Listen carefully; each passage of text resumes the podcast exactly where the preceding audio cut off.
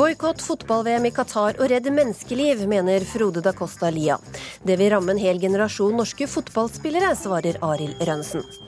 Biskopene er feige som ikke tør å snakke om dommedag, mener Hanne Nabintu Hærland, som får svar av biskop. Jeg kjenner meg ikke igjen i denne karakteristikken. Og Aung San Suu Kyi har eh, sviktet ansvaret sitt, sier en tidligere støttespiller og politisk fange fra Myanmar. Er vi i dagens ukeslutt, hvor vi også skal direkte Sepp som som Fifa-president i går. Je veux d'abord euh, vous dire euh, que je suis heureux d'avoir été reconduit euh, pour un autre mandat de quatre ans à la tête de la FIFA. Et malgré toutes les perturbations, il y a quand même eu 133 fédérations nationales qui m'ont donné leur confiance, non seulement pour développer le football, mais également pour euh, solutionner ou tâcher de solutionner les problèmes auxquels nous devons faire face euh, actuellement. Ja, akkurat nå holder Sepp Latter pressekonferanse i Zürich etter at han ble gjenvalgt som Fifa-president i går kveld. Han sier at han eh, fremfor alt er glad for å ha blitt eh, gjenvalgt som leder for Fifa, til tross for all uroen, og at han er gitt eh, tillit til å utvikle fotballen og til å løse problemene som har oppstått. Vi skal veldig snart tilbake til pressekonferansen, men først så skal vi unne oss et lite gjenhår med et gyllent øyeblikk i norsk fotball-VM-historie. Bjørneby, fin ball. Og vi har folk foran mål. Og vi har folk foran mål, og vi har avslutning! Ja, da! Skåring! Vi har skåret i Marseille! Vi har skåret mot Brasil! Jeg tror det ikke. Vi ligger under, og vi skårer! Vi skårer ved Tor André Flo. Og Kjetil Rekdal fra Han ja! skårer! Norge ja! leder 2-1! Norge leder! Viva la Norvège! Og led Norge! Kjetil Rekdal og alle hjemme. Jeg har ikke opplevd maken! Og dette mener jeg fullt hjerte. 2-1 til Norge! Åh. Ja, det var et uh, historisk øyeblikk i 98 da Norge vant over uh, Brasil i VM.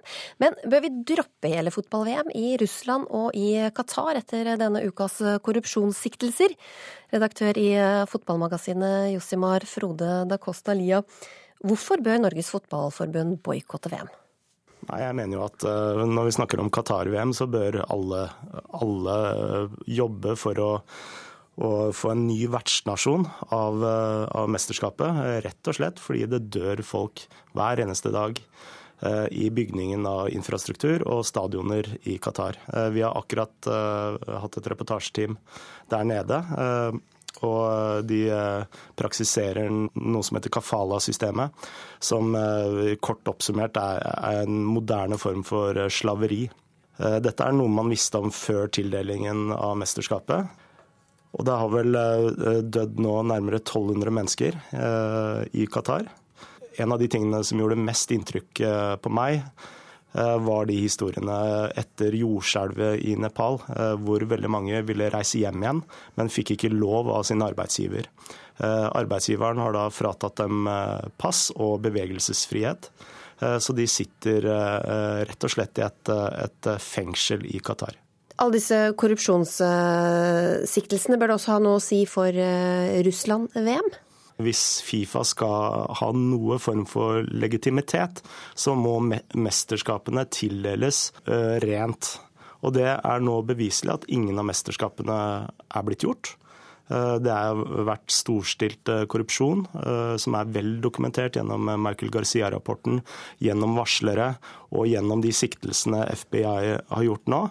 Og da mener jeg at eh, skal man gjenoppbygge, eh, eller starte å gjenoppbygge legitimiteten til Fifa, så må man se til nye vertsnasjoner eh, med en eneste gang. Bare understreke at Det er jo ingen som er dømt ennå. Arild Rønsen, du er fotballfan og musikkskribent, og syns ikke nødvendigvis boikott er en god idé. Hvorfor ikke? Det er helt riktig. Jeg tror ikke nødvendigvis boikott er den viktigste formen å, å fighte mot Fifa-korrupsjonen på. Når det gjelder Russland, så tror jeg faktisk at det, det løpet er kjørt. Det er bare tre år til. Og det tror jeg ikke er mulig å få gjort noe med i det hele tatt. Når det gjelder eh, Qatar, så er jo jeg helt enig i at mesterskapet aldri burde gå der. Altså det at et VM i fotball, verdens største idrettsarrangement, skal gå i et land hvor ingen sparker fotball, og hvor det er 50 varmegrader, som er helt umulig å sparke fotball i. Alle skjønner jo at her har det vært bytta penger som har gått rett til fòret på noen mennesker for at det skulle kunne bli resultatet. For det er helt sinnssvakt resultat. Ingen kunne tenke seg at Qatar skulle få fotball-VM. Det er omtrent som å legge ski-VM dit. Det er like gærent. Så øh, jeg, er, jeg er veldig for å legge opp en taktikk fra hva skal vi si, rene nasjoner for å sørge for at det blir, at det blir stopp på, uh, på Qatar-VM. Men jeg er ikke sikker på at boikott er det riktige. Kanskje burde vi gå en annen vei. Kanskje burde vi kanskje lage en helt annen organisasjon enn Fifa. Og kanskje, kanskje er det sånn også at det fins muligheter, så vidt jeg vet, hvis det er 20% av Fifas medlemmer som krever ny kongress, så kan man gjøre det. Og Uefa sitter på ca. 25% av stemmene. Kanskje det er en mye bedre vei å gå? Lia, hva godt kunne ført med en boikott av fotball-VM fra et lite land som Norge? Nei, altså Boikott er jo ytterste konsekvens. Man husker nå at eh, nå har man eh, jobbet med dialog overfor Qatar i snart fire år. Og eh, Qatar bryr seg ikke døyten. Det har ikke vært noe utvikling eller nedgang i dødstallene. Selvsagt så syns jeg man først skal jobbe for å få en ny vertsnasjon, men i ytterste konsekvens så mener jeg at man må boikotte. Og det, det timeglasset det begynner å renne ut nå.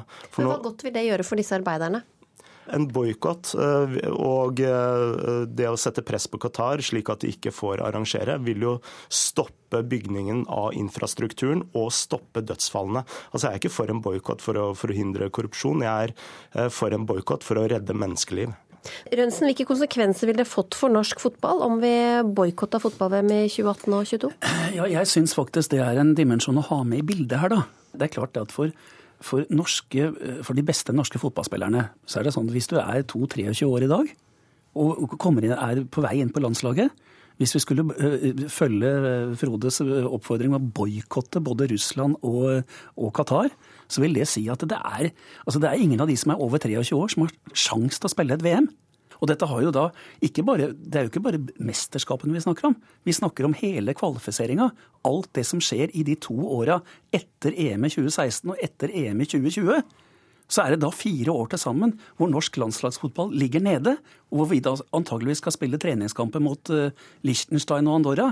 Det er ikke noe god framtid for norsk fotball. Hva sier du, Lea? Ved, en boikott sier vi også kanskje nei til muligheten til å oppleve et nytt, ny seier over Brasil?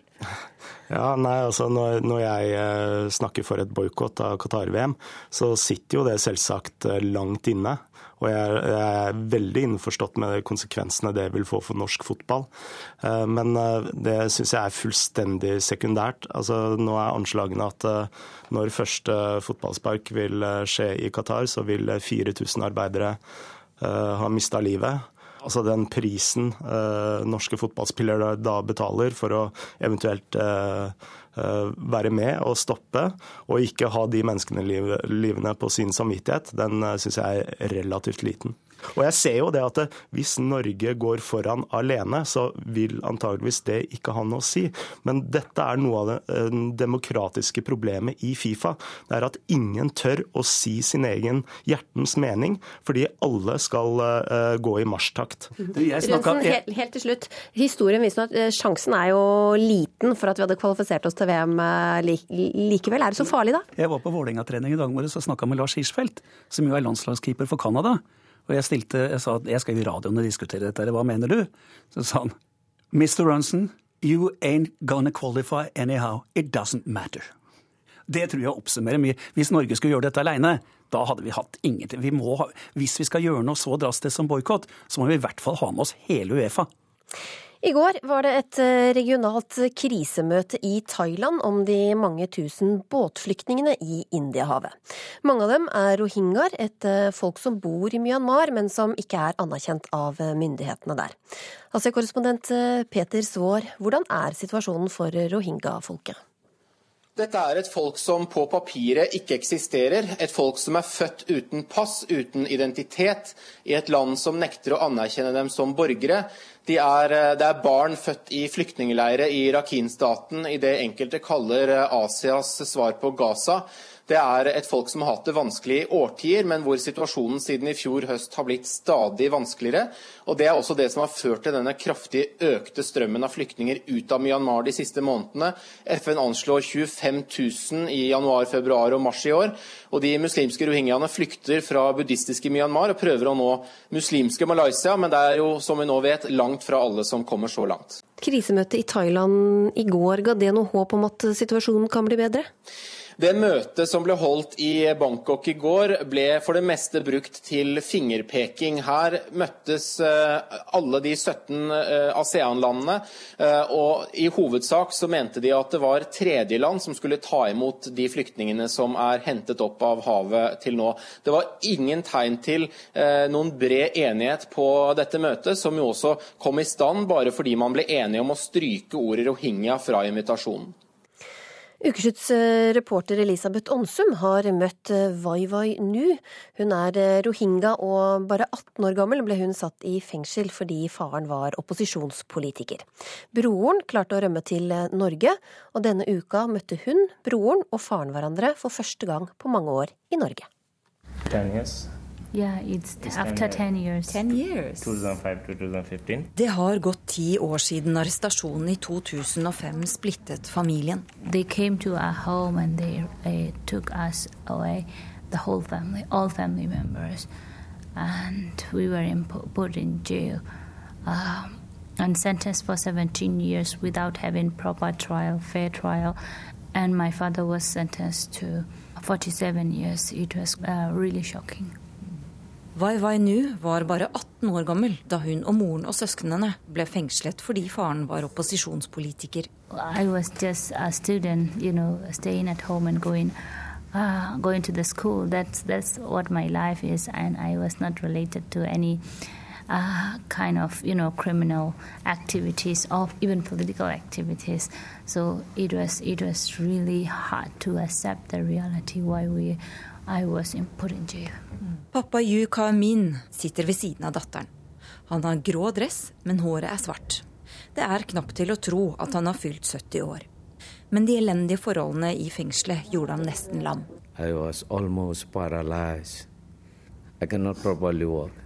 I feel heavy, my legs and hands. And how was it for you as a father to know that uh, now your daughters uh, and your wife also were put in jail? it was really sorrowful and shocking. I cannot express in words how I feel at that time.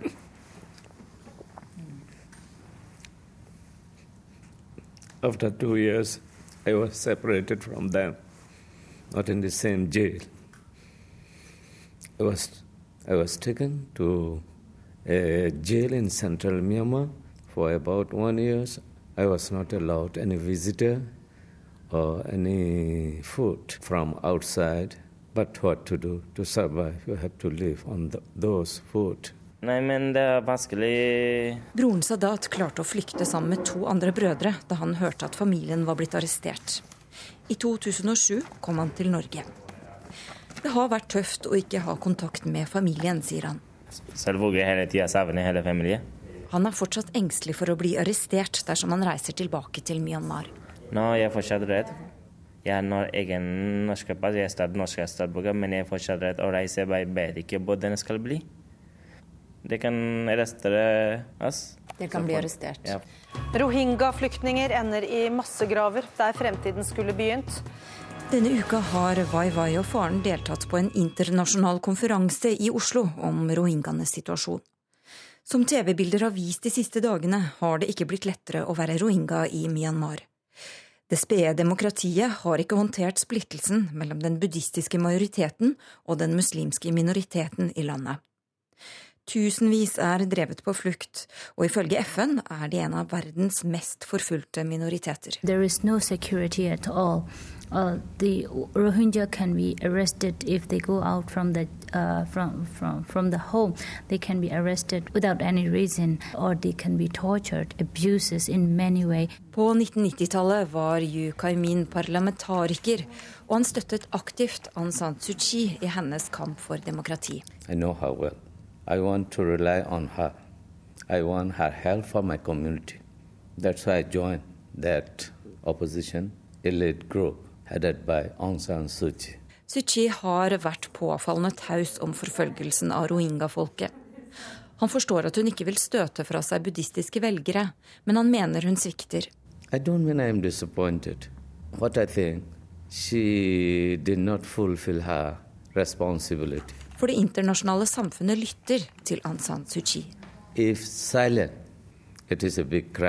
Tross den spente situasjonen er han ikke i tvil om at han vil være i Myanmar. I love Burma. The present government is denying us our ethnicity, our citizenship, our everything. Livets universitet kaller Wai Wai sine syv år i fengsel. Hun har startet flere organisasjoner, bl.a. for kvinners rettigheter. Motet og engasjementet hennes ble fanget opp av president Obama da han var på besøk i Myanmar i fjor. Wei Wei Nu uh, spent seven years of her youth behind bars as a political prisoner. And she called it her university about life. Today she uses that hard earned degree to advocate for tolerance and acceptance, saying, We too sacrificed many things for the same cause, and that is democracy. Obama mentioned you in, in his speech, uh, in his visit. How, how did that feel when he did that? Yeah, it is. It is really, I mean, amazing. I, I didn't expect like that. Situasjonen i Myanmar bekymrer, men hun har en drøm. If possible, I want to be a president of Burma, but unfortunately, uh, this discrimination, uh, discriminatory laws, policy make us vulnerable. So I don't think I will be a president of Burma unless they recognize us or they restore our full citizenship rights. But if possible, I want to be, but it is just dream, not reality. Peter Svaar, kan Wai Wai nå målet sitt om å bli president? Hun har jo blitt lagt merke til av Obama. Foreløpig bør Wai være sjeleglad om hun får utstedt et pass. Akkurat nå virker eh, selv det helt usannsynlig, og noen politiske ambisjoner tror jeg vil være svært vanskelig å se for seg for eh, rohingyaer i dagens Myanmar. Og Dette bunner jo også i en religiøs konflikt. Det er et Myanmar med stadig mer nasjonalistiske og militante buddhistiske grupper. For dem passer rohingyaene ikke inn, eh, og de vil altså til nå ikke engang anerkjenne dem som statsborgere, selv om mange rohingya har bodd i Myanmar i århundrer. Det er også verdt å merke seg at juntaen og nobelprisvinner Aung San Suu Kyi til nå virker å være på linje i dette spørsmålet. Eh, Aung San Suu Kyi har til nå ikke gitt noen offentlig støtte til rohingyaene, til tross for at flere andre fredsprisvinnere har bedt henne om å gjøre det. Det har jo vært en stor konferanse nå denne uka. Hva har kommet ut av den?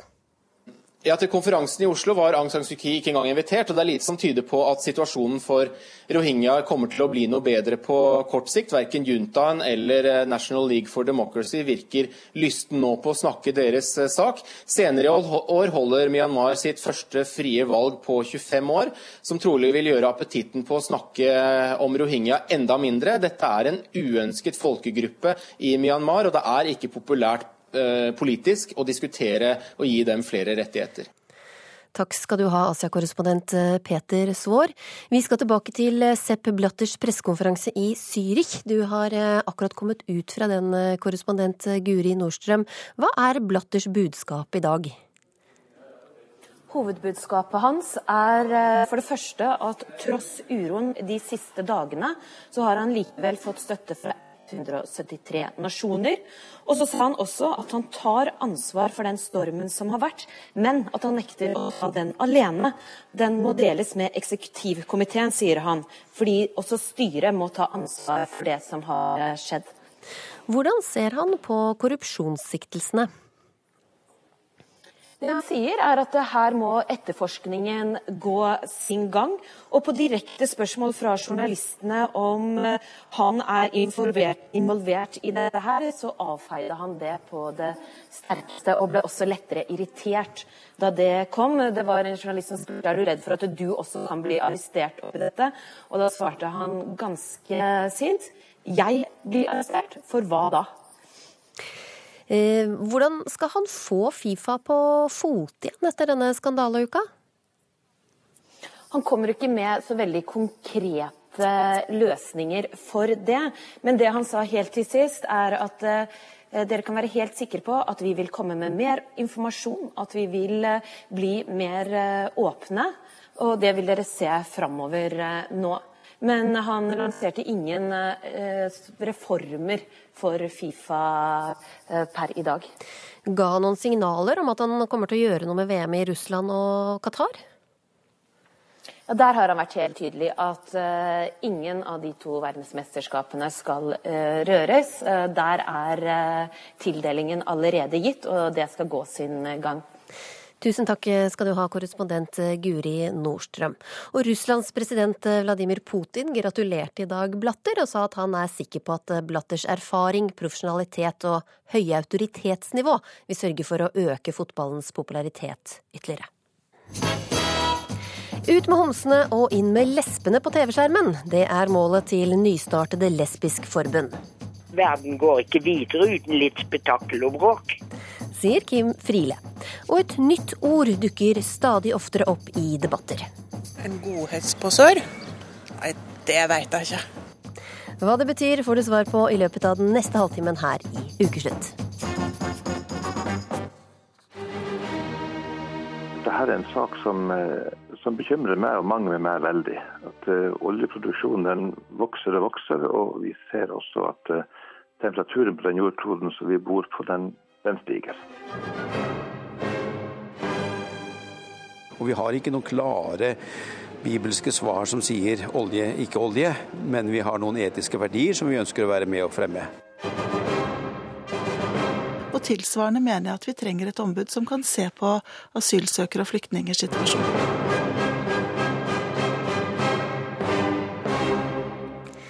Klima, nye oljefelter og asylsøkere er blant temaer kirken gjerne uttaler seg om. Men ifølge religionshistoriker Hanne Nabintu Hærland er biskopene feige. De tør ikke snakke om Lucifer, dommedag og omvendelse, men holder seg til politisk korrekte temaer. Hanne Nabintu Hærland, hvorfor er det feigt å ikke snakke om dommedag? Jeg syns at eh, etter den dramatiske eh, endringen i verdigrunnlag som vi har hatt fra 70-tallet, hvor vi i stor grad har avskaffet den tradisjonelle familiekulturen og religiøse og tradisjonelle verdier, så trenger vi nettopp Kirken.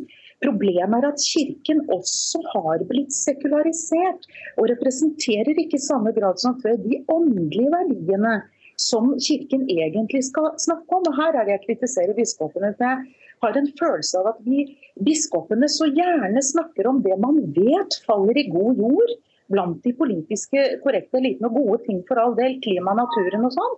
Men de tier om de grunnleggende sannhetene som irriterer dagens antikristne og ekstremsekulære system. Nettopp tema som kan ha mulighet til å gjenoppvekke interessen på kirkebenken, som jo er sterkt synkende i dag. Tor Berger Jørgensen, biskop i Sør-Hålogaland. Du har svart Hærland i eh, Vårt Land, men eh, er du feig? Det må jo andre få lov til å vurdere. Personlig mener jeg vel ikke det. Jeg mener jo at mange av disse politisk relaterte spørsmålene dreier seg om dype og viktige verdispørsmål som eh, vi utfordres eh, til å kommentere gjennom den offentlige debatt. Det betyr jo ikke at det som har stått for de grunnleggende kristelige, kristne eh, trosspørsmålene, at de underkjennes fra vår side, eller at de settes til side. Tvert imot vil jeg si at det er en integrert del av hele kirkens liv fra søndag til søndag. fra hverdag til hverdag, så jeg kjenner meg ikke igjen i denne karakteristikken. Utfordringen kommer når kirken virker så sekularisert at eh, biskopene nærmest bare tar tak i de tingene som de vet er politisk korrekte. Og politiseringen av kirken hvis Kirken blir en politisk klubb heller enn en åndelig rettleder, så mister faktisk folk interessen. Og det åndelige, spennende med Kirken forsvinner. Og Kirken blir på en måte da en slags sånn oppsummering av Arbeiderpartiets statutter på et vis. Og det vi jo, hører vi jo nok om på TV i den politiske debatten. Men jeg tror Kirken hadde fått langt flere til å komme til kirkelokalene dersom de virkelig snakket om spørsmålene som handler om liv etter døden, hvordan vi kan få kraft til å overleve i dette livet, og ikke minst meningen med livet på virkelig et åndelig vis. Ja, Tror du det, Jørgensen, at det ville fått flere til kirkebenkene? Ja, det, så igjen, Dette mener jeg jo at vi kontinuerlig snakker om. Men snakker er... dere om dette i offentligheten? Ja, men Spørsmålet er jo da hva spør oss, offentligheten oss om? De har vært med i mange miljødebatter. og Stort sett så de, dreier de seg om eh, miljøspørsmål og eventuelt verdigrunnlag. I etterkant av de møtene så har jeg registrert at det også ofte blir spørsmål om dypere mening med livet. Men det kommer sjelden fram i de offentlige debattene, selv om en prøver å ha et blikk for også den, det perspektivet. Men å blande disse tingene sammen er ikke uten videre enkelt. Men er det vanskelig si... å snakke om disse temaene? Temaene nei, i her, Jeg føler meg, nei, altså det føler jeg da ikke at dette er feighet eller frykt fra min side eller fra noen andre side. Jeg føler heller ikke at eh, det er stor hets ved å ta opp eh, i anførselstegn kontroversielle livssynsmessige spørsmål. Det må jeg virkelig si. Det har jeg vært med på selv i mange forskjellige sammenhenger. Så jeg kjenner meg liksom ikke igjen i den debatten. Men det er noe med samtalens format, og det er mye med den pastorale erfaring vi har. F.eks. abortspørsmålet. Jeg mener at vi har en god organisasjon kirkelig relatert i landet vårt, som jeg støtter veldig mye, og som er veldig restriktiv og ønsker å holde fram valget og de utfordringene den står overfor. Men måten å formulere dette på i en eh, oppheta debatt kan ofte føre veldig galt av sted. Og det er noen sånne erfaringer som gjør at en kanskje er noe mer varsom enn det Hærland eh, kanskje skulle ønske at kirka var i en del spørsmål. Men det betyr ikke at ikke vi er opptatt av dem og fremholder dem. Herland, du har også trukket frem at, at kirken er mest opptatt av å beholde privilegiene sine sine hos, eh, hos, staten. Men Kirken har jo gått mot strømmen i holdninger når det gjelder f.eks. homofilt eh, ekteskap. Viser ikke det at eh, det ikke er nikkedukker for staten? Altså, i, den, I det spørsmålet så viser jo Kirken nettopp at de er med på det. For man tar da? Man hører på hva som samfunnet og konsensus for øvrig mener, og så står man da frem med det. Jeg syns allikevel at det er mange sider ved akkurat den bestemte saken. Og, fremfor alt er det viktig at homofile selvfølgelig er hjertelig velkommen i Guds rike. Men det satt til side, så tror jeg at når det kommer til en del viktige, sentrale kristne dogmer, sånn som f.eks. dette med forkynnelse om at det kommer et liv etter dette livet, og dette livet vi nå lever, er en forberedelse på det neste. Dette også med å snakke langt tydeligere om abort. Altså En del av disse spørsmålene hadde jeg så hjertelig ønsket. Jørgensen, er dere for lite tydelige? Ja, altså Det kan jo godt hende. Abortspørsmålet som antyda er komplisert. og Det gjør det vanskelig, føler jeg, å delta altfor uh, direkte i offentlige samtaler om det. For så vidt som jeg kjenner også mange sider ved dette i forhold til menneskers liv. Det gjelder jo også homofilispørsmålet. Og Jeg må med respekt å melde få si at hvis mitt motiv for å f.eks. ha endra syn i homofilispørsmålet hadde noe med at jeg ønsket å bli mer akseptert i det norske samfunn, så er det helt på villspor i forhold til min personlige utvikling. Det har ingenting med dette å gjøre, men det har noe med å gjøre at noen kristne venner turte å snakke til meg om sine problemer ved at de har måttet skjule sin homofili gjennom år. Og Det er mitt utgangspunkt. Og Da vil jeg si at jeg ergrer meg i anførselstegn over at jeg ikke så dette veldig mye tidligere, mens dette enda var motstrøms. Men det har ingenting med å skulle bli anerkjent i det offentlige rom at jeg har endra syn i dette. Det har noe med møte med mennesker å gjøre. Og Det tenker jeg er Den norske kirkes, folkekirkens, store fordel og dens problem. At den lever så nær folks virkelighet at den er nødt til pastoralt å ta hensyn til det i måten den snakker om denne virkeligheten på i det offentlige rom.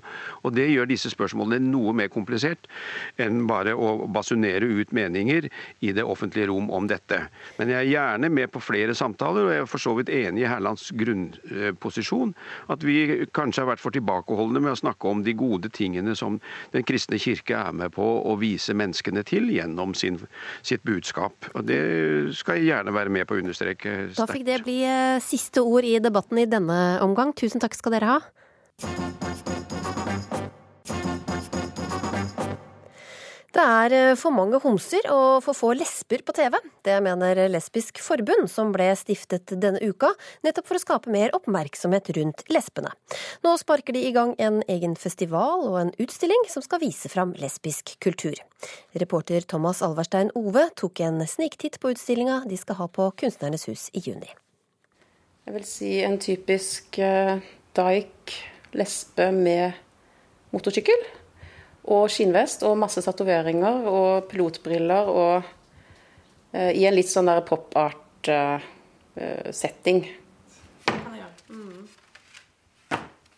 Vi er på Kampen i Oslo, i leiligheten til kunstner Ellen Frøysaa. Hun setter frem og viser oss flere av maleriene hun skal stille ut om tre uker. Bildene er stort sett portrettaktige motiver i pop-art-stil, med stereotype lesber.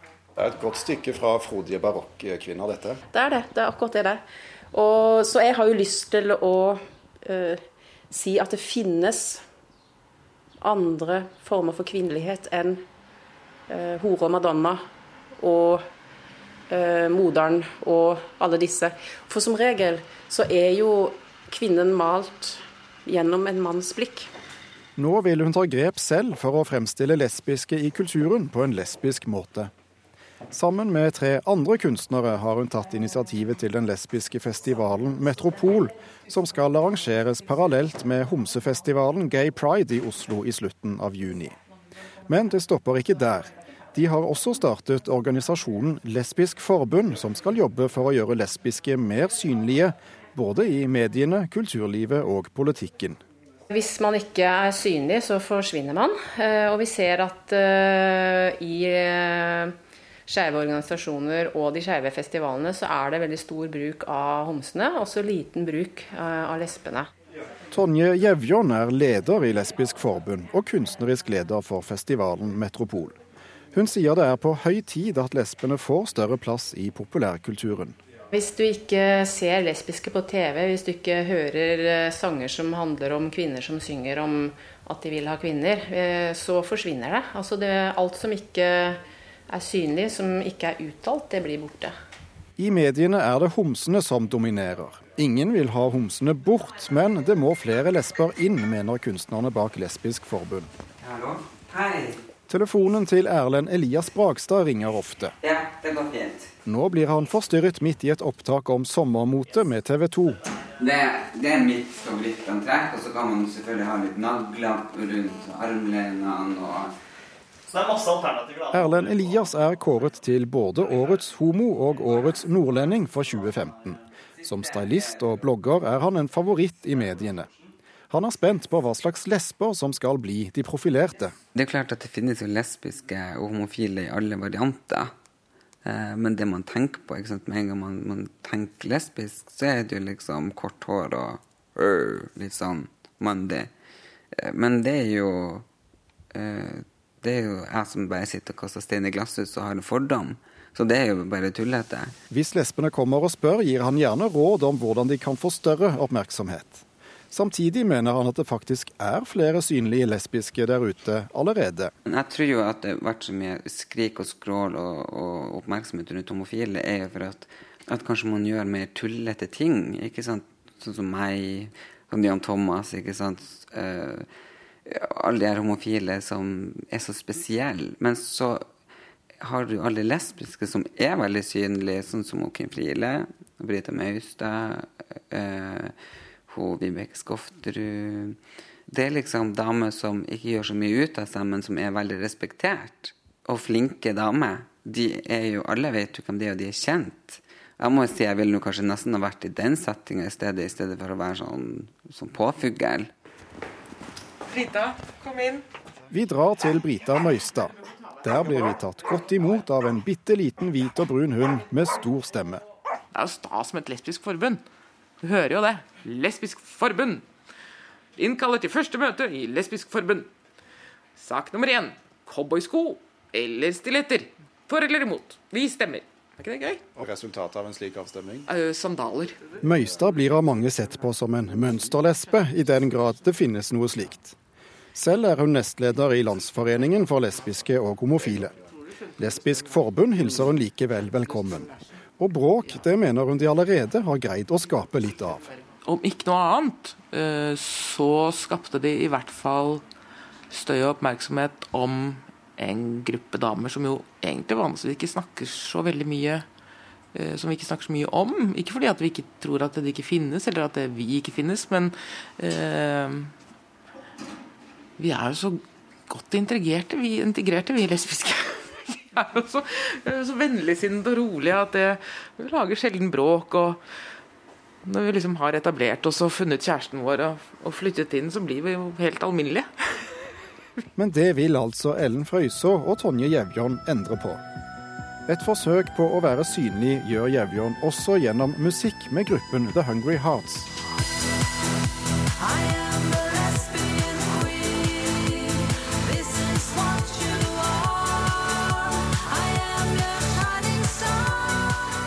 Lesbian Queen er en hyllest til Kim Friele, som også er æresmedlem i Lesbisk forbund. Onsdag fylte hun 80, og jubileet sørget for at blomsterbutikken hjemme på Geilo ble utsolgt. Verden går ikke videre uten litt spetakkel og bråk. Friele håper forbundet tar opp arven fra bevegelsen hun selv var en del av på 70-tallet. Men det er krevende å søke oppmerksomhet. De må kommunisere. De må jobbe mediemessig. De må, må ha folk som vil stille opp enten det overfor politikere eller i skolen eller i kirken eller hva det er. Og, og, og, og snakke eh, lesbiske sak.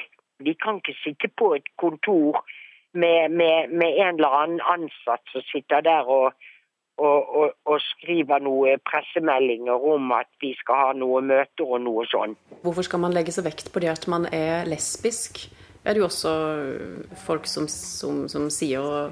så jeg tenker jo at uh, Jeg føler personlig at det, det, er fortsatt en veldig stor del av min identitet. Først og fremst så er jeg en egen person. Jeg er Tonje.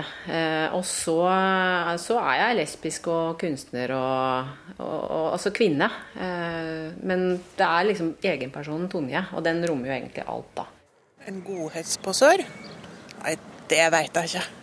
En posør er en som liksom gir eh, inntrykk av å være litt fin og flott, og som kanskje ikke er det. Det høres veldig sånn koselig ut. altså Noe med godhet, noe som er snilt. Det trenger ikke være negativt, tenker jeg.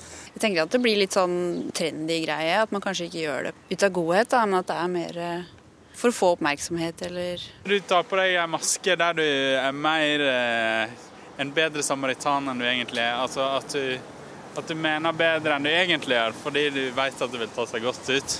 Men det er jo ikke helt ekte. Ja, godhetsposør, moralposør og empatiposør. Ordene dukker stadig oftere opp i eh, debattene på sosiale medier, og de brukes gjerne om eh, meningsmotstandere. Men eh, hva betyr de? Kristian Tonning Riise, leder i Unge Høyre.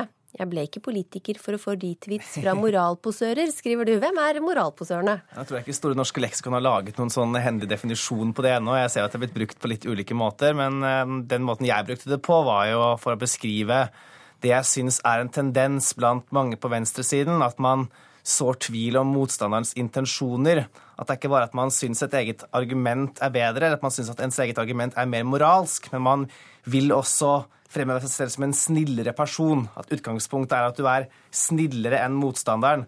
Og Da syns vi at man kanskje gir seg selv en litt sånn falsk glorie. da, At man har liksom behov for å ta på seg den for å liksom gi seg selv en slags moralsk overlegen posisjon i debatten. Mm. Lars eh, Svendsen, professor i filosofi og tilknyttet Civita. Du er lei av de som drar på moralposør-argumentet. Hvorfor det? Er fordi det er egentlig en veldig effektiv måte å forsøple eller ødelegge eller stoppe en, en debatt på. Generelt så syns jeg det å eh, så mistanke om motstanderens eh, motiver som skal være gjemt et eller annet sted bak der, er en ganske dårlig idé i debatter. Jeg syns man heller får forholde seg til de argumentene som, som, kommer, og så forsøker man å føre en noenlunde rasjonell diskusjon. Mens hvis du sier, altså moralposør eller empatiposør til noen, det er egentlig bare et invektiv, altså et utskjellende uttrykk, hvor du sier at noen utgir seg for å være noe annet enn det de, enn det de faktisk er. Og det er ikke noe som fører en eh, debatt uh, videre overhodet. Så jeg lanserte jo eh, for, for, den saks skyld et posørbegrep eh, selv i en sånn diskusjonstrø på internett, hvor jeg sa at jeg var så lei av alle realpolitikk posørene. Det var egentlig bare en spøk, for det var vel omtrent det eneste posørbegrepet ingen hadde brukt ennå. Det var noen som tok spøken, da? jeg tror egentlig ikke det. Eh, men, men, men Tonning Riise, du, du, må få ja. svare disse merkelappene. Er de noe fruktbare for debatten? Men jeg tror at jeg er jo enig med, enig med Svendsen i at eh, det å, så tvil om motstanderens intensjoner ikke bringer den politiske debatten så veldig mye fremover. Men det er jo litt i den sammenhengen at jeg jeg skal ta på meg æren for å ha lansert begrepet, men i hvert fall brukte det begrepet. da, Nettopp fordi at jeg har irritert meg litt over det. At, det at når man går inn i en eh, diskusjon, og da særlig med mange på venstresiden, opplever jeg, så er liksom utgangspunktet for debatten at jeg er et mindre snilt menneske enn dem. Og da er det litt sånn, da får jeg behov for å klippe litt ned det utgangspunktet, for det er jo et premiss som det er litt, van litt vanskelig for meg å akseptere. At liksom jeg, jeg, skal liksom bare akseptere at jeg er slem, og så kan den politiske debatten starte. Svendsen, hva skulle han gjort, da? Nei, altså jeg må dels si at jeg er litt enig i diagnosen eh, Tonning Riise stiller her. ved at Man kan få et inntrykk av den politiske debatten som det er slik at vel, folk på høyresiden og venstresiden de er uenige. De på høyresiden gjerne tenker at vel, de på venstresiden de tar feil, men de, de har de beste intensjonene med sine feil. Mens de på venstresiden eh, da tenker om høyresiden at vel, de tar feil, og de har de verste intensjoner med sine feil. Eh, men jeg vil heller si at eh, man bør bare gjøre det klart at altså, man gidder egentlig ikke diskutere diskutere på sånne premisser hvor, hvor man eh, ikke kommer forbi en mistenkeliggjøring, og forsøke å ta dette helt saklig. Jeg vil faktisk si at man bør være enda mer sjenerøs. Altså i i filosofien så har vi et prinsipp som kalles altså barmhjertighetsprinsippet, the principle of charity, som går ut på at man alltid skal tolke den man er i en diskusjon med, på den best mulige måten. Altså på en sånn måte at vedkommende får et rimeligst mulig ståsted. Altså flest mulig sanne oppfatninger. Og så kan vi ta diskusjonen videre derfra. Men det er klart, det er jo en måte å diskutere på som er eh, lite i samsvar med politisk praksis. er du for lite barmhjertig? Vi må nok, vi må nok kanskje leve med at, eh, at politikken, altså det ligger litt i politikkens natur at den er nødt for å ha Eh, litt mer spisset eh, ordskifte av og til i filosofien. Men jeg tror det, vi kan nok lære en god del av filosofien også, tror jeg, måten å, å argumentere på. Men, altså, hvis alle hadde fulgt ditt, liksom, ditt utgangspunkt, da så hadde det jo vært lettere. Men jeg tror ikke filosofer er kjent for ikke å være spesielt skarpe eller slemme mot hverandre i, i debatter, for, for, det er de. Men det er klart at hvis du klarer å tolke en motstander på en rimeligst mulig måte, og så appåtil vise hvorfor det er fullstendig uholdbart, da har du kommet et godt stykke i debatten. Tonje Grise, hvis vi, hvis vi ikke da skal vektlegge de, de, gode hensiktene, sitter vi ikke bare igjen med regnestykker da? Jo, men det, det, det, Her har det blitt, litt, blitt, en litt misforståelse i debatten. For jeg mener jo ikke at man ikke skal kunne fremheve ens egne standpunkter som mer moralske enn andre. Altså, jeg tror jo alle politikere mener jo, håper jeg jo da, for hvis ikke så driver man jo bare og ja, poserer, for å bruke det begrepet. At man mener at ens egne posisjoner er mer moralsk riktige men jeg syns at det er noe annet enn å mene at motstanderen din i utgangspunktet vil folk vondt. Og det er jo her jeg syns at vi har et uh, Utgangspunktet for mange på venstresiden er liksom at vi på høyresiden har egentlig et standpunkt som er veldig mye verre.